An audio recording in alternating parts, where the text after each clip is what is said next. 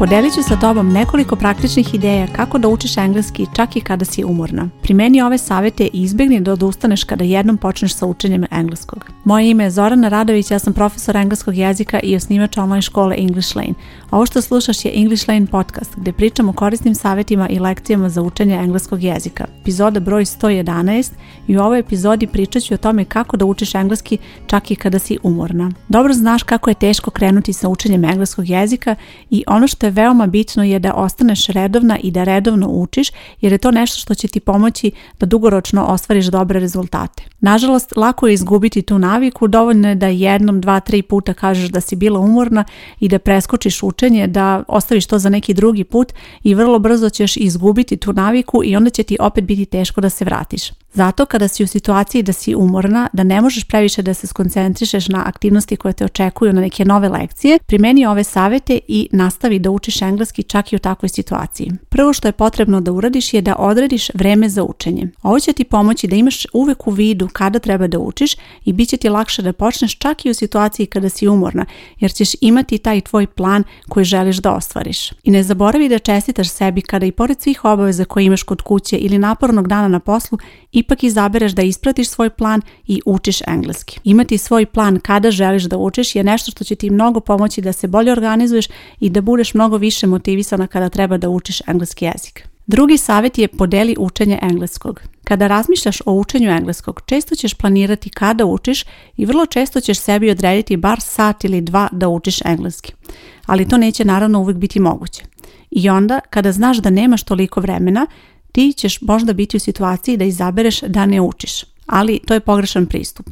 Evo šta ćeš uraditi umjesto toga, a ovo će ti posebno značiti kada si umorna. Podeli učenje na manje cjeline tako da možeš da učiš recimo 5, 10, 20 minuta koliko god imaš vremena tada u tom trenutku. Gledaj da kada učiš to bude jedna završena celina, recimo ako učiš lekciju da naučiš celu ili bar deo lekcije koji si planirala, ali da to bude neka celina da ne prekidaš učenje u pola rečenice recimo, već da jednostavno uradiš neku celinu ili uradiš jedno vežbanje, znači nemoj prekinuti nikada na pola vežbanja, ali ako je moguće uvijek prilagodi učenje tako da možda učiš u nekim manjim vremenskim intervalima u situacijama kada znaš da ćeš biti umorna.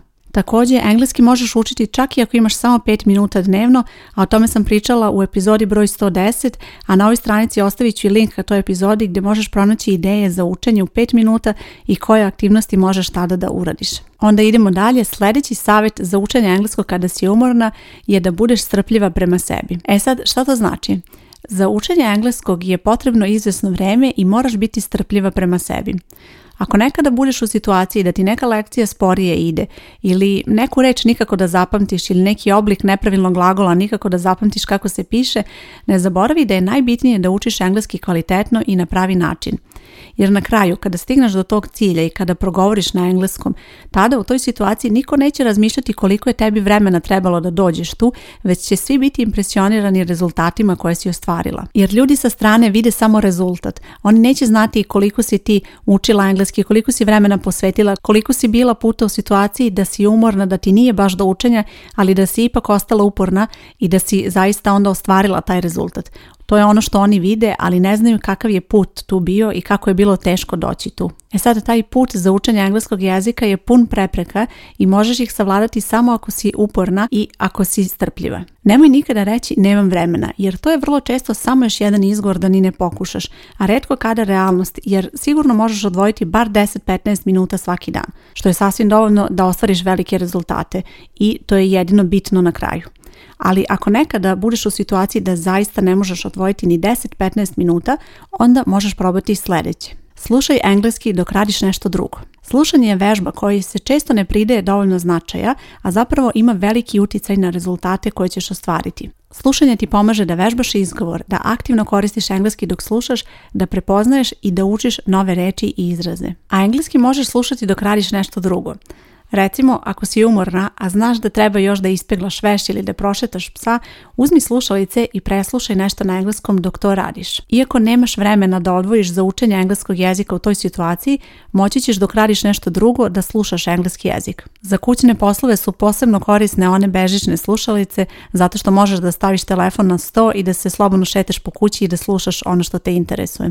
Kada je u pitanju učenja engleskog jezika, možeš slušati dve vrste aktivnosti – Prvo su sadržaji na engleskom jeziku. To znači da možeš da uključiš neki YouTube video, neku seriju, pesmu, šta god te zanima, bitno da je taj sadržaj na engleskom jeziku. I ja ovo koristim kao aktivnost kada imam neke poslove po kući koje moram da završim.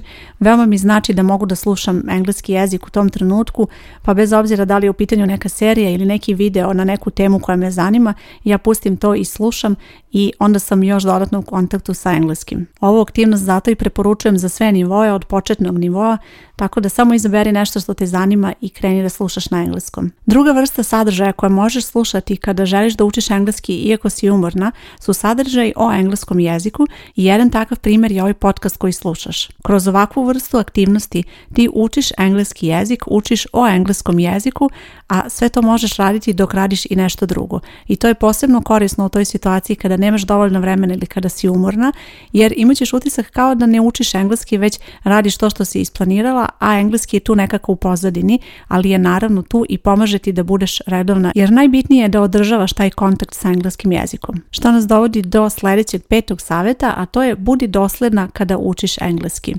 Iako je teško u situacijama kada si umorna da ostaneš dosljedna, zapamti da je to veoma važno. To znači da je potrebno da imaš svoj plan i da ga se držiš. Teško je početi sa učenjem, ali kada napraviš svoju rutinu, kada znaš kada učiš, šta učiš, to će ti pomoći da budeš dosledna i vrlo često ćeš doći u situaciju da imaš suprotan problem, da osjećaš da ne može da prođe ni dan, a da nisi vežbala engleski i jedva čekaš da se vratiš u učenju i da vidiš kako napreduješ.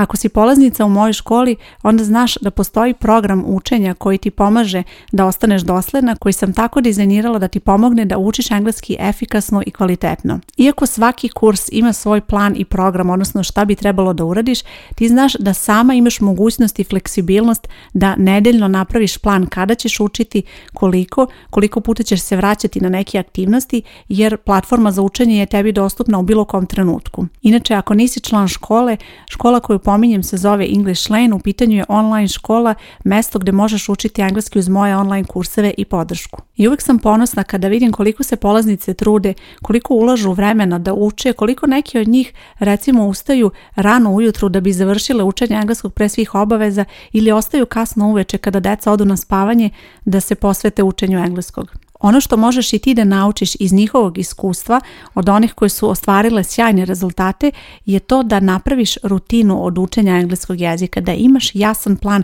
kada učiš, koliko, gde, jer je to nešto što će ti pomoći da ostvariš zaista dobre rezultate i ostaneš dosledna kada je u pitanju učenja engleskog. Jer imaju u vidu da polaznice u mojoj školi čak i kada uče sporije od predviđenog tempa, one znaju da su na dobrom putu i kroz nekoliko mjeseci ili čak godina one će doći do tog cilja koje su u sebi za zacrtale. One ne žure, one idu polako svojim koracima, svojim tempom i napreduju ka dobrim rezultatima. I te priče polaznice iz moje škole su me inspirisale da objavim ovu epizodu, jer želim da ti pomognem da jednostavno ne odustaneš čak i ako si umorna ili osjećaš da nemaš dovoljno vremena. Ako nemaš dva sata da odvojiš za učenje svaki drugi dan, želim da ti kažem da je apsolutno moguće da naučiš engleski da budeš dobra u tome čak i ako imaš puno obaveza u životu i osjećaš da si stalno umorna. Samo je bitno da prilagodiš učenje sebi jer ako zaista želiš da sebi ostvariš taj cilj, onda ćeš uraditi ono što je potrebno, imaćeš strp strpljenja za sebe, bit ćeš dosledna i što je najvažnije, bit ćeš spremna da se organizuješ i prilagodiš situaciji tako da možeš da uklopiš da učenje engleskog bude deo tvoje rutine. I sad verovatno se pitaš kako da izdvojiš vreme koje nemaš, kako da odvojiš vreme za učenje engleskog jezika, ali imaju u vidu da slušaš ovaj podcast, što znači da želiš da naučiš engleski jezik i engleski je verovatno veoma važan u tom životu i nešto što je tebi potrebno, samo je bitno da se dobro organizuješ i da smisliš plan kako ćeš to za sebe da ostvariš jer neće naučiti engleski samo oni koji imaju svo slobodno vreme ovog sveta, jer to nije presudno za učenje engleskog jezika. Mnogi ljudi koji imaju puno obaveza uspevaju da nauče engleski jezik i ne samo engleski jezik, već druge veštine razvijaju, posebno kada je to važno na poslu. Isto i ti možeš. Ako imaš obaveze, možeš prilagoditi učenje tim obavezama i na taj način ostvariti rezultate. Jer ono što je bitno je da ideš dalje, da napreduješ i čak i ako je to malim koracima, i ako je to postavljeno postepeno, budi strpljiva i znaj da treba vremena da sve to izvedeš, ali bitno je da ideš ka tom cilju koji želiš. Zato sljedeći put kada budeš umorna, razmisli o ovim savjetima o kojima sam pričala ovdje i razmisli o tome koliko je engleski važan za tebe, jer to je nešto što će te pokrenuti, a zapamti da je najteže krenuti i napraviti tu rutinu, a vidjet ćeš da će vremenom biti sve lakše i vremenom će engleski postati jedna od važnijih stavki na tvojoj listi koje treba da uradiš u toku tog dana. Nadam se da ti je ova epizoda bila korisna. Ukoliko nisi član English Lane škole, a želiš da to postaneš na ovoj stranici gdje slušaš bit će link ili možeš da potražiš English Lane online škola i tu ćeš pronaći sve detalje. Hvala ti što slušaš podcast. Moje ime je Zorana Radović i čujemo se uskoro. Ćao!